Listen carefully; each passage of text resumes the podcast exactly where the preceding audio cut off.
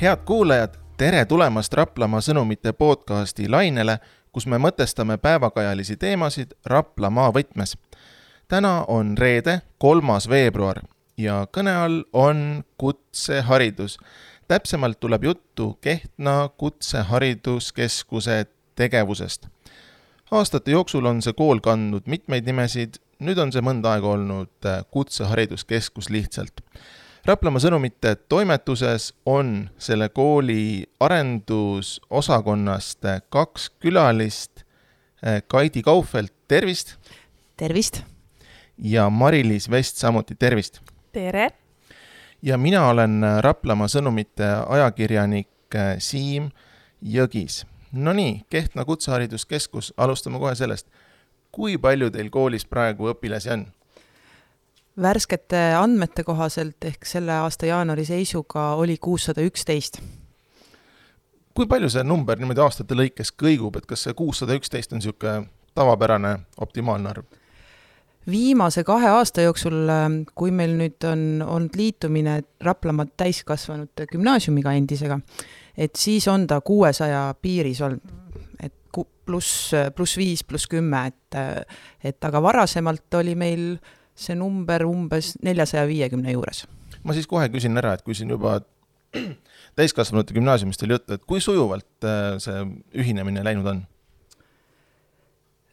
no seal on omad väljakutseid olnud ja, ja eks me nende väljakutsetega maadleme ka siia, noh, ma ei ütle, et maadleme, et, et me püüame ju ikkagi toimetada nii, et äh, eelkõige õppija ei kannataks ja, ja meil kõigil oleks hea seal õppida ja tegutseda koos, et et aga no kui kaks organisatsiooni ühte heidavad nii-öelda, et siis seal, seal on vaja kohendamist.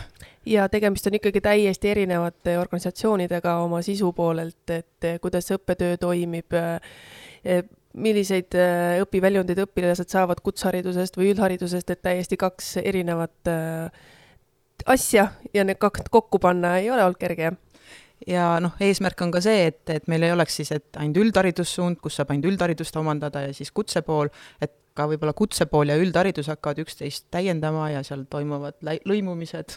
et kui ma tulen näiteks üldharidusse õppima, siis ma tegelikult, kui mulle meeldib midagi meie kutse poole pealt, saan selle üldhariduse õppekava peal omandada ka kutset. tuletage palun meelde mulle, et kui kaua nüüd need kaks asutust ühendatud olnud on, aeg läheb nii kiiresti kaks tuhat kakskümmend üks aasta esimesest septembrist.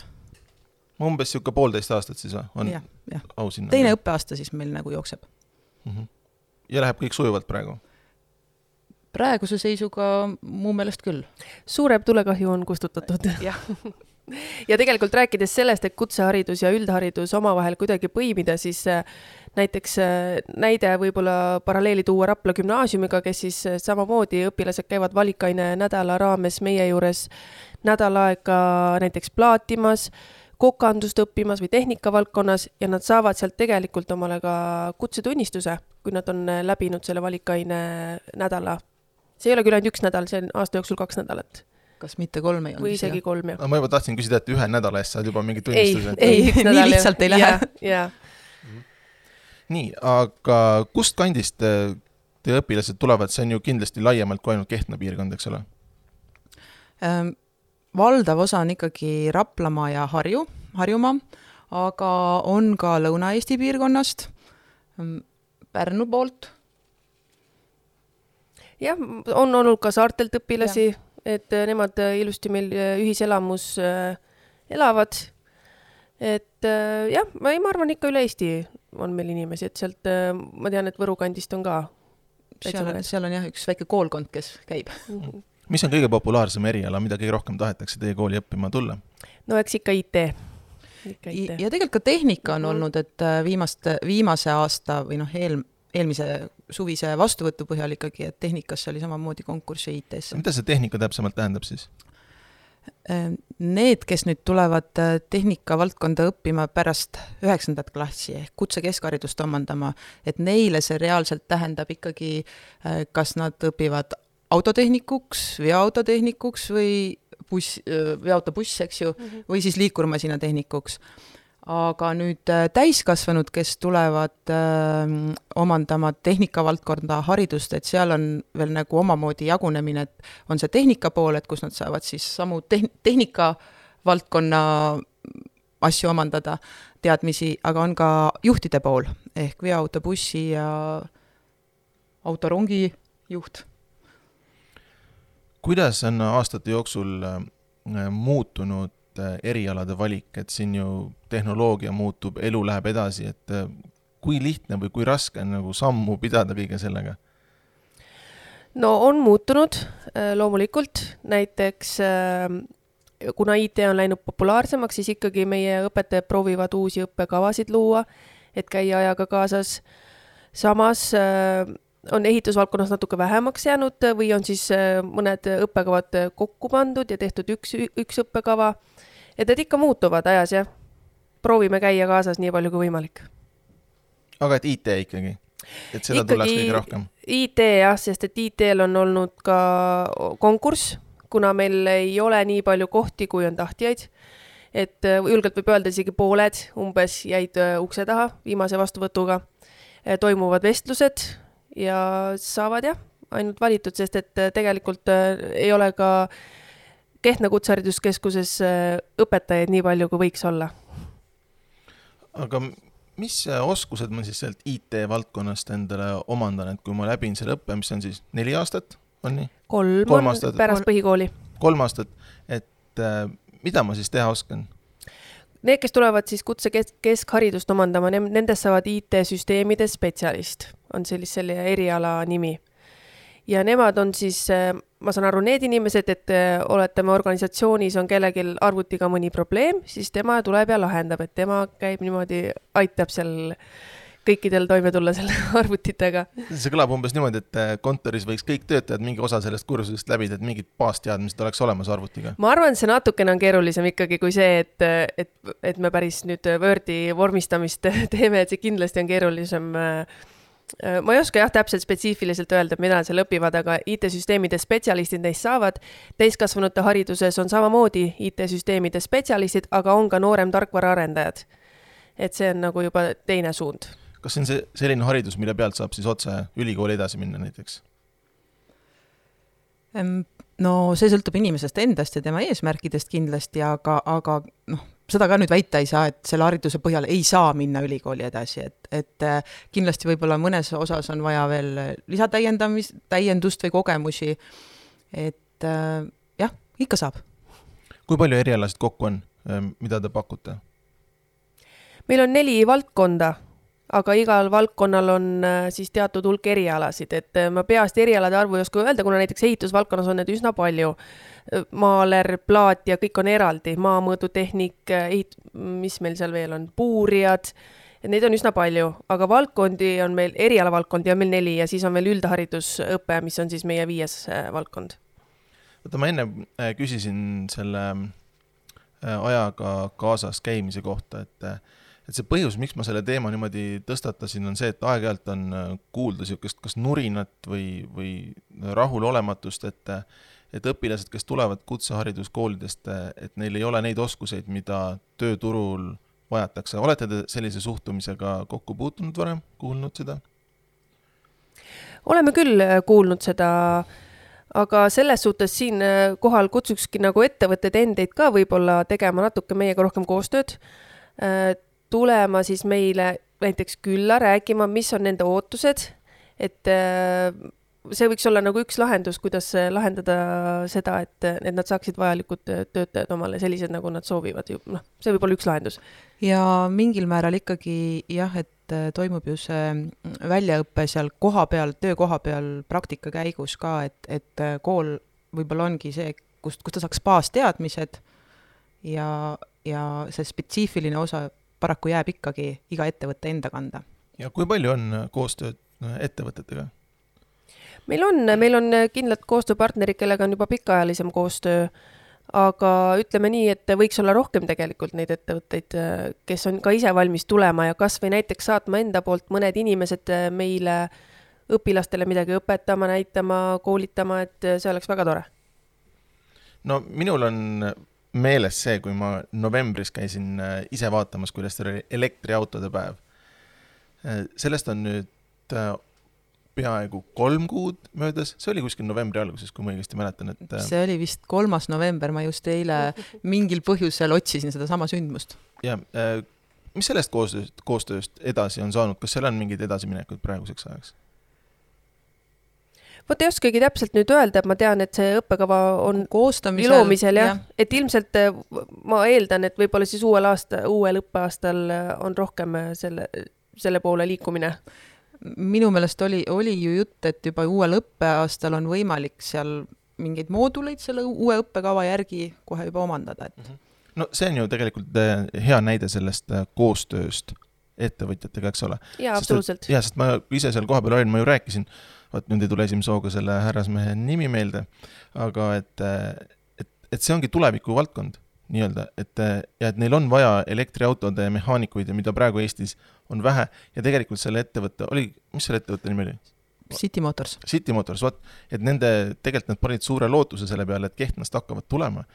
et need siis nende enda töötajad ka, et kuidas teile tundub, minu jaoks on see nagu väga hea näide koostööst hariduse ja siis ettevõtlusvaldkonna vahel jaa, täiesti nõus sinuga selles osas.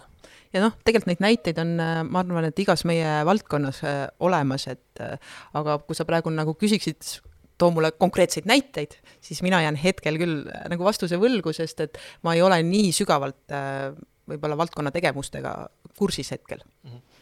noh, lihtsalt minu seisukoht on ka see, et mitte seisukoht, aga ütleme, see, mida mina olen kuulnud, ongi just ettevõtjate niisugune kuidas öelda niimoodi, kas see on etteheide äkki või, et, et kutseharidusest tulevad õpilased, aga neil ei ole neid spetsiifilisi oskusi, mida täpselt neil vaja oleks ja võib-olla see, mis Kaidi ütles, ongi see lahendus, et äh, baasteadmised tulevad koolist ja siis konkreetsed oskused juba sealt äh, praktika käigus siis selle ettevõtte juures. ja, ja noh, see tegelikult on ka äh, tõdemus võib-olla, mis on tulnud või selgunud, ütleme, meie koolipraktika kaitsmistelt, et, et kui meil läheb õpilane näiteks praktikale, siis äh, samamoodi äh, oma tulemust äh, ta peab pärast presenteerima komisjoni ees ja samamoodi see ettevõte, kus ta oli praktikal, ka tema hindab seda, seda õpilast, pluss veel siis ütleme, nagu üldist tagasisidet, et kuidas, kuidas oli ettevalmistus, kui õpilane tuli. et võib-olla sealt ongi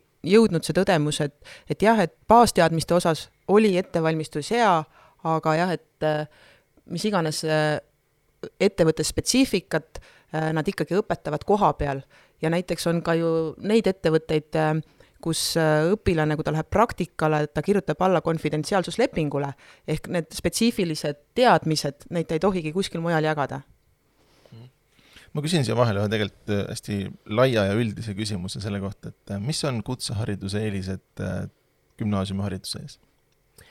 ei saa niimoodi öelda, et üldse oleks äh, eeliseid, selles mõttes see kõik oleneb äh, sellest konkreetsest inimesest, mis on tema eesmärgid. Et kui sinu eesmärk on saada võimalikult kiiresti tööturule, sa tead, mida sa tahad teha, sul on siht silme ees, siis äh, tule kutseharidusse, sa oled, ma toon näiteks näite, võtame mõne koka näiteks.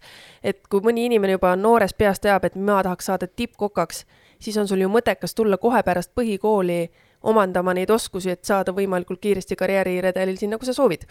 et äh, loomulikult võib minna ka gümnaasiumisse, teha kolm aastat gümnaasiumis äh, õpet ja siis tulla õppima kokaks. et äh, no võib-olla ongi nagu see eelis siis, et kui sul on siht silme ees, kindel eriala valitud, siis sa jõuad kiiremini selle oma eesmärgi saavutamiseni.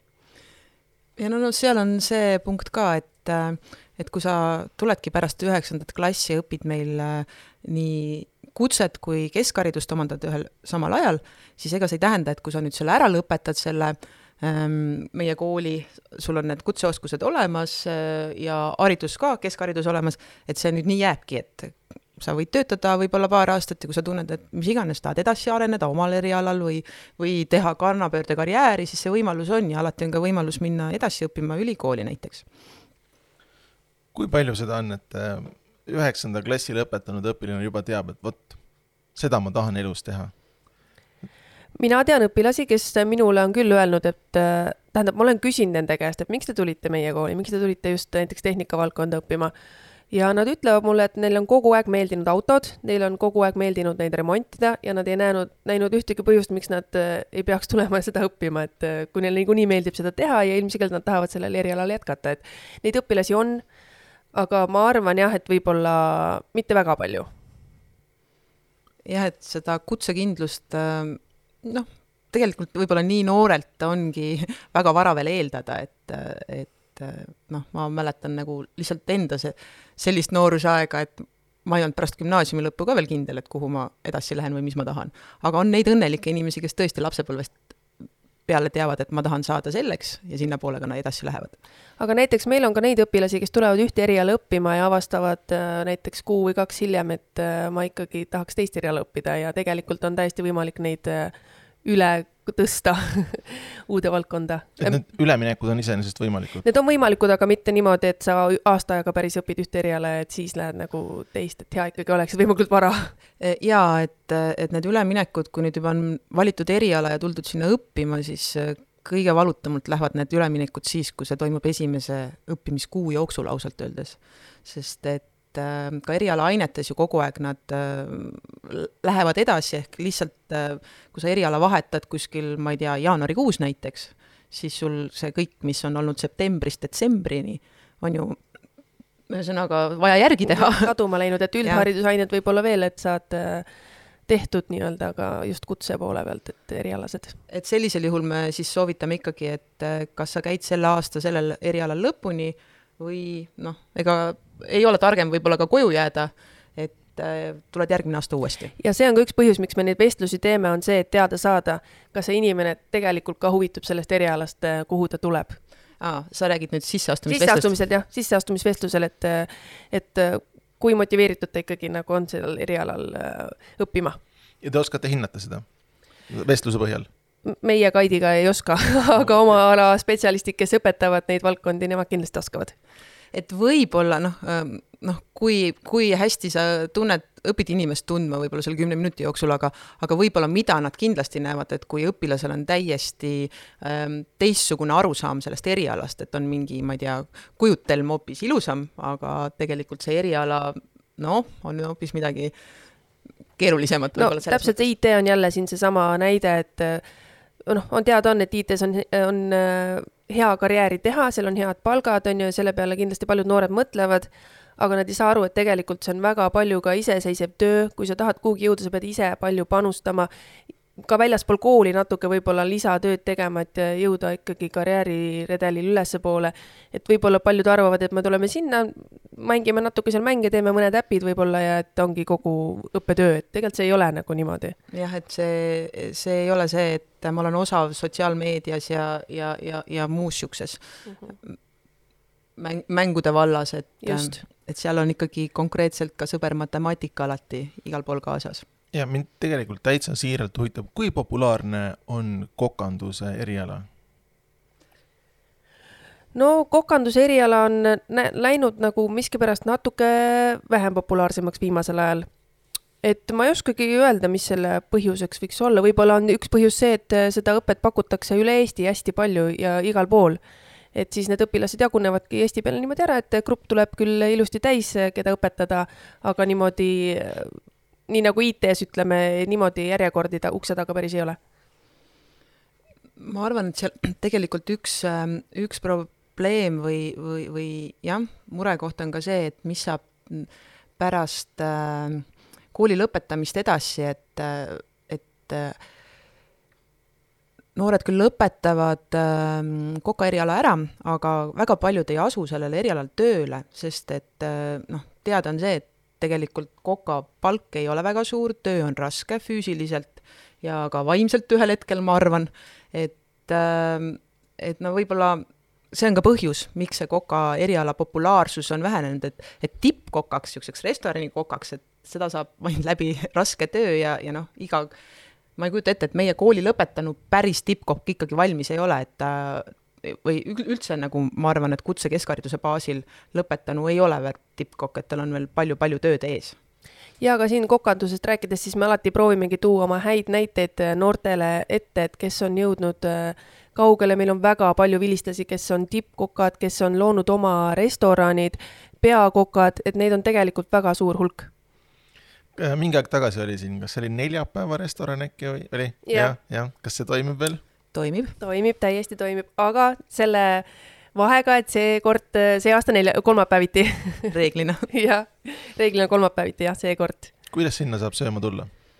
Neil on äh, oma Facebooki leht näiteks äh, ja meil on ka kodulehel eraldi neljapäevale niisugune link pühendatud, et äh, seal on kõik kontakttelefonid e, emailid, kus, kus saab siis ennast registreerida ja üldiselt nad oma menüüd panevad oma Facebooki lehele õpperestoran neljapäev.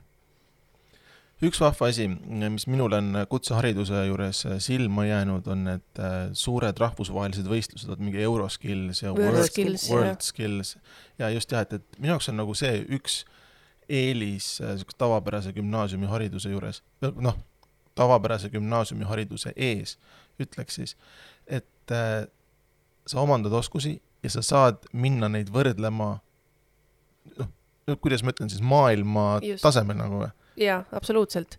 et ka meie õpilasi on käinud Euroskillsil ja tegelikult ka meie vilistlane on WorldSkillsil äh, juhendaja rollis olnud äh, ja meie mitmed õpetajad on ka WordSkillil, Skillsil olnud eksperdid, jah.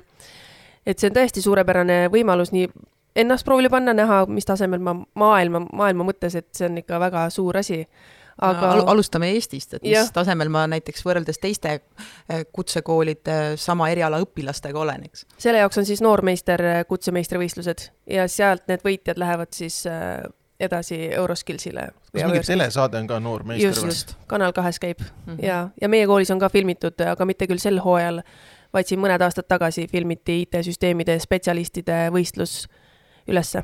see oli eelmine, kaks tuhat kakskümmend üks sügis minu meelest. jah, võis olla küll vaata, see süsteem on siis, et Eestis on noormeister ja siis selle paremad lähevad edasi rahvusvahelisele tasemele. ja kui palju siis Kehtna Kutsehariduskeskuse õpilasi on, ütleme siis selle Eesti tasemelt kõrgemale läinud?